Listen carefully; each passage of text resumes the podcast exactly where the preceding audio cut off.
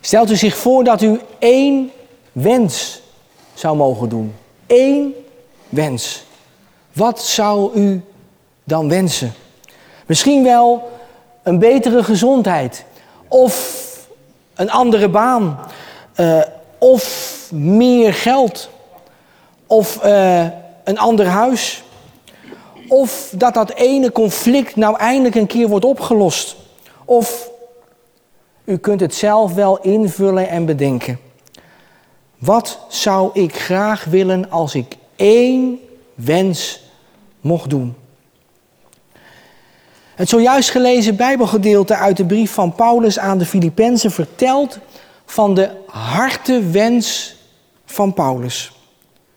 Ooit vervolgde hij de christenen in zijn tijd.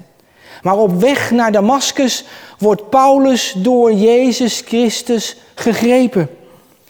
En vanaf dat moment is hij radicaal veranderd. Vanaf dat moment staat zijn hele leven, alles wat hij is en wat hij heeft, in het teken van het volgen van Jezus en het getuigen van Jezus. Hem kennen, hem navolgen en hem dienen. En dan in vers 10 van het Bijbelgedeelte maakt Paulus zijn diepste wens bekend. Ik wil Christus leren kennen en de kracht van zijn opstanding. Ik wil delen in zijn lijden, gelijk aan hem worden in zijn dood, in de hoop misschien ook zelf uit de dood op te staan. En als je datzelfde vers leest in de verwoording van het boek, staat het er nog sterker, want dan begint het met de woorden: Het enige wat ik wil is Christus leren kennen en de kracht van zijn opstanding. Paulus zou duizend en één dingen kunnen wensen, maar wat hij wenst is dit: ik wil Christus leren kennen en de kracht van zijn opstanding. We hebben het samen gezongen zojuist. En ik hoop dat u het met uw hart heeft gezongen. Het is mijn grootste wens. Niet zomaar iets, dat is ook nog leuk. Het zou ook nog kunnen. Nee, het is mijn grootste wens. Mijn diepste wens.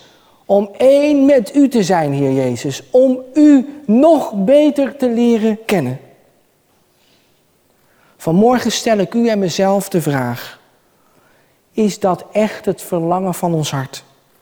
Het enige dat ik wil is Christus leren kennen. Ik zou nog duizend en één andere dingen kunnen bedenken die ik graag zou willen. Die ik zou kunnen wensen, harten wensen. Maar wat ik echt wil, waar ik naar verlang, waar ik op hoop, waar ik naar uitzie, is Christus leren kennen. En dat betekent nogal wat. Want dat gaat niet alleen over Christus leren kennen in zijn opstandingskracht, maar dat betekent ook lijden en sterven. Daar kom ik dadelijk nog bij u op terug. Om uiteindelijk op te kunnen staan tot een nieuw leven met Jezus. Het enige wat ik wil is Christus leren kennen. De apostel Paulus was een gerenommeerde wetsgeleerde. Hij wist alles af van de Joodse Torah. Hij was een belangrijk mens. Een mens met status en aanzien. Hij had meer dan genoeg waarop hij zichzelf kon laten voorstaan. Hoe belangrijk hij wel was en wat hij allemaal wel niet wist. En, en, en hoe trouw hij was aan de wet en hoe, hoe trouw hij zich hield aan alles wat in de Joodse wet stond. Hij had zich er allemaal op kunnen voorstaan. Maar dat doet hij niet meer. Want hij heeft Christus leren kennen. En hij zet alles wat hij had en heeft en, en al zijn, zijn status schuift hij aan de kant. Omdat hij iets veel belangrijkers heeft ontdekt. Iemand heeft ontdekt. Jezus Christus, de opgestane heiland en Heer. Paulus is van hem onder de indruk geraakt. En daarom verlangt hij ernaar om in alle opzichten Jezus te leren kennen. Niet langer ik, maar Jezus in mij leeft. Zo schrijft Paulus het in een van zijn andere brieven. Paulus heeft alles aan de kant geschoven, er afstand van gedaan, om voortaan te leven voor Jezus alleen. Er wordt wel gezegd dat bekering tot God en geloof in de Heer Jezus Christus twee kanten heeft. Je wordt gered van en je wordt gered om. Iemand die christen wordt, wordt gered van zonde en schuld. Het obstakel van de zonde, waardoor we als gewone mensen niet zomaar voor die heilige God kunnen naderen, wordt door het lijden en sterven en de opstanding van Jezus weggenomen. Daardoor kan elk die wil gered worden en vrij tot God de Vader gaan dankzij Jezus. En dan word je gered van dat wat in de weg zit voor een relatie met God. En er zijn verhalen van vroeger en nu, van mensen die verslaafd waren, van mensen die alles deden wat God had verboden, maar door hun bekering tot God en hun geloof in de Heer Jezus Christus deden ze er afstand van en was het vanaf de ene op de andere dag over. Mensen dronken geen druppel meer, mensen rookten niet meer. Mensen lieten alles los om Jezus te volgen. Gered van om Jezus te kunnen volgen. Want we zijn niet alleen maar gered van. Het gaat niet alleen maar om loslaten en achterlaten en afleren. Het gaat ook over oppakken en aanleren. Wie Jezus Christus leert kennen, gaat er naar verlangen om te worden zoals Hij. Om naar Zijn voorbeeld te leven. We worden dus gered om, met het doel om te leven naar het voorbeeld van Jezus, tot eer van God en heil van mensen. Een leven dat in gedachten, woorden en daden lijkt op Jezus. We worden gered om voortaan niet voor onszelf te leven, niet langer ons eigen ik te laten zegevieren, niet onszelf aan te prijzen. We worden bevrijd en gered om voortaan te leven door en voor en met Jezus alleen. Een leven door Hem geïnspireerd en naar Zijn prachtige, uitdagende voorbeeld. En dat, lieve mensen, is een lang proces. Daarvan moet ik in ieder geval vanmorgen zeggen: ik ben er nog niet. Nog langer niet. Nog niet. Steeds weer zullen we door de Heilige Geest bepaald worden bij zaken in ons leven waar we afstand van zouden moeten doen. Dingen die we moeten loslaten. Dingen die niet passen bij een leven met Jezus. Keer op keer zullen we ons ook andere dingen moeten eigen maken. Dingen moeten aanleren naar het voorbeeld van Jezus. Een levenslang leerproces om meer en meer op Jezus te gaan lijken. En de apostel Paulus schrijft erover. Het kennen van Jezus Christus is niet alleen leven uit zijn opstandingskracht, maar is ook lijden om Jezus wil. En vooral ook sterven. Sterven aan de wereld, sterven aan je eigen ik. Het is een leven, ja, ik kan het niet makkelijker maken, een leven van strijd en een leven van overwinning. Ik vergeet nooit dat een inmiddels gepensioneerde heilsofficier zei in de samenkomst: Zijn er hier mensen die op Jezus willen lijken? En toen zei hij: Dat is prachtig. Geweldig. Mensen die op Jezus willen lijken. Maar wees erop voorbereid. De strijd gaat nu losbarsten. Want het laatste wat Gods tegenstander wil, is dat er hier mensen opstaan die zeggen: Ik wil op Jezus lijken. Dat is het ergste wat er voor Satan bestaat. Satan raakt niet van slag van christenen die zeggen in Jezus te geloven, maar vervolgens leven alsof ze nooit nog van Jezus hebben gehoord.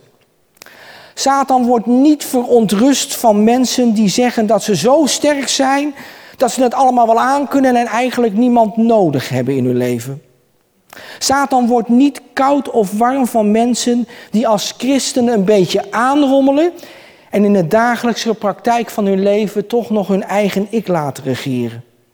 In hun doen en laten zich aanpassen aan de wereld, zich zonder enige weerstand overgeven aan uitdagingen, aan verleidingen die op hun pad komen. Satan raakt niet onder de indruk van officieren die denken dat ze wel heel erg belangrijk zijn.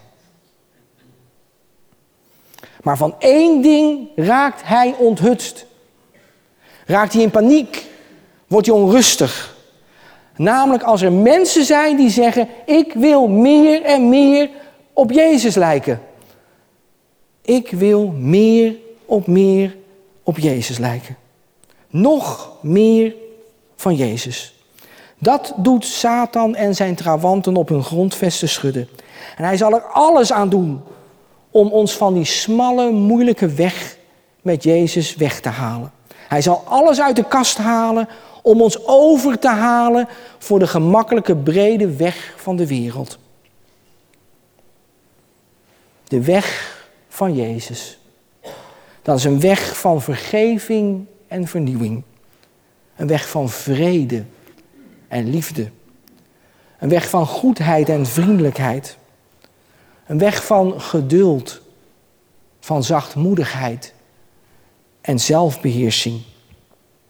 Nee, niet alleen als het makkelijk is, maar juist ook als het moeilijk wordt. Als het erop aankomt.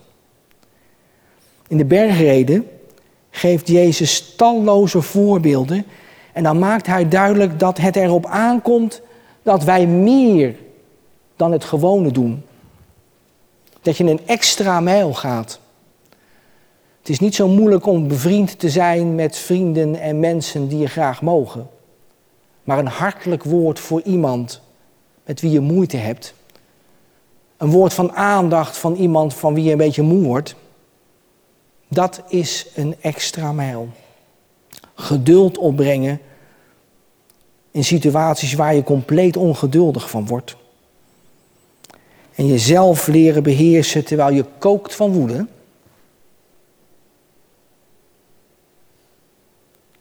Jezus wil ons helpen om te zijn zoals Hij. Waar anderen het zouden opgeven, toch doorgaan. Ja, en dat, dat vraagt iets van onze volharding en van ons doorzettingsvermogen. Dat betekent lijden om Christus wil. Sterven aan je eigen ik en aan de wereld. Dat betekent strijd. Maar ook overwinning. Dat maakt Paulus ons vanmorgen duidelijk. Als hij zegt dat hij de opstandingskracht van Jezus wil leren kennen. Strijd, strijden en lijden tot je erbij kans dood bij neervalt. Om vervolgens met de opstandingskracht van Jezus boven jezelf te worden uitgetild te overwinnen, op te staan tot een nieuw leven, door en voor en met Jezus. Al Satans werk gaat op in rook. Want halleluja, God is sterker dan wie ook. Halleluja, God is sterker dan wie ook. En onze overwinning is verzekerd door Jezus Christus onze Heer. Dus ja, als u en ik vanmorgen zeggen, ik wil op Jezus lijken. Als u zegt en ik zeg, daar willen we daadwerkelijk mee aan de slag. Ja, dan, dan gaat er wat gebeuren. Maar dan is er ook dat geweldige vooruitzicht. Dat we zullen overwinnen. In de naam van Jezus, onze heiland en Heer. Want Hij is onze kracht. En Hij is sterker dan wie ook. Jezus zal winnen. En met hem zullen ook wij herleven.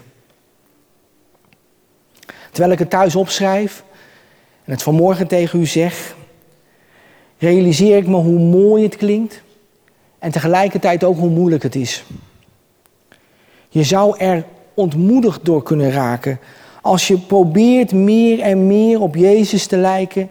En je wordt toch steeds weer, althans zo gaat het mij, toch steeds weer onderuit gehaald.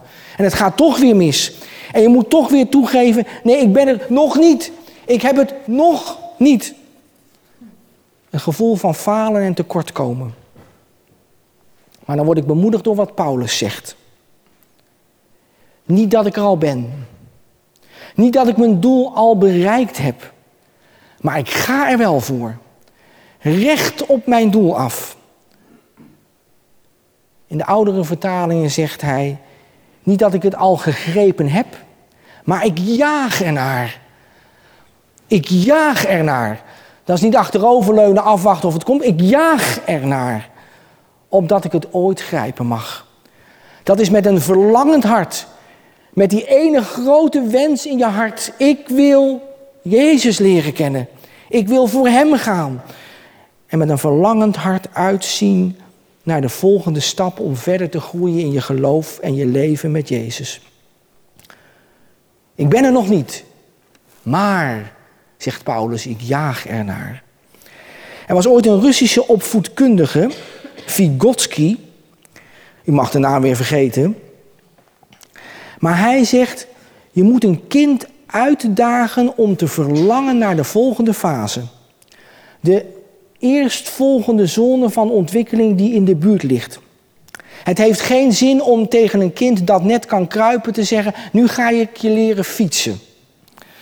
Maar als een kind kruipt en daarna leert staan en dan leert lopen en dan leert rennen en dan op een gegeven moment leert fietsen. Kleine stapjes, maar steeds weer uitzien naar de volgende stap die in de buurt ligt. Niet denken het is wel genoeg zo. Stel dat een kind zou denken ik laat het maar bekruipen. Of waarom zou ik gaan staan? Of waarom zou ik gaan lopen? Niet achterom kijken en bedenken wat je al bereikt hebt en waar je vandaan komt, maar jagen naar, uitzien naar, bedenken wat de volgende stap kan zijn. Zo zouden wij steeds voor onszelf en voor elkaar de volgende stap in ons geloof met Jezus voor ogen moeten houden de eerstvolgende kleine stap die we kunnen zetten. Niet blijven hangen bij, nou ja, eigenlijk is het zo toch wel goed. Ik, ik heb al heel veel geleerd van Jezus. Ik ben al heel veel veranderd. Eh, zo is het genoeg. Meer is eigenlijk niet nodig. Uitzien naar de volgende stap. Welke volgende stap ligt binnen handbereik? Wat zou ik als eerste moeten nalaten of moeten gaan doen om nog meer op Jezus te lijken. Misschien een kleine stap, maar in geloofsvertrouwen gezet. Om te groeien in geloof en leven met Jezus. Hand in hand met Jezus over het ruwe pad. Heer, het kan niet waar zijn dat uw werk in mij al is voltooid. Heer, geef mij meer van u. Zo waarlijk help ons God Almachtig. Om in het leven van elke dag waar te maken waar we zo naar verlangen. En wat Hij van ons verwacht. Te zijn als Jezus. We buigen ons zo dadelijk in momenten van gebed. We zoeken naar een persoonlijke, echte ontmoeting met Hem, de Heer van ons leven. We kijken niet naar onze buurman. We denken niet ik hoop dat hij of zij goed geluisterd heeft, want dat is echt iets voor hem. Of iets voor haar. Ik hoop dat we denken, misschien moet ik hier iets mee. Wat is de volgende stap die ik kan zetten in mijn leven met Jezus? Wat betekent dit voor mij? Als Gods geest mijn leven leidt, zal duidelijk blijken dat ik door het offer van Jezus eenmaal werd gered. Wat is de volgende stap die u, die ik moet zetten om nog meer op Jezus te lijken? Wat ligt binnen handbereik? Ja, dat kan strijd betekenen, maar in de naam van Jezus kunnen wij overwinnen. Geloofd en geprezen zij de wonderbare naam van onze Heer en God. Halleluja. Amen.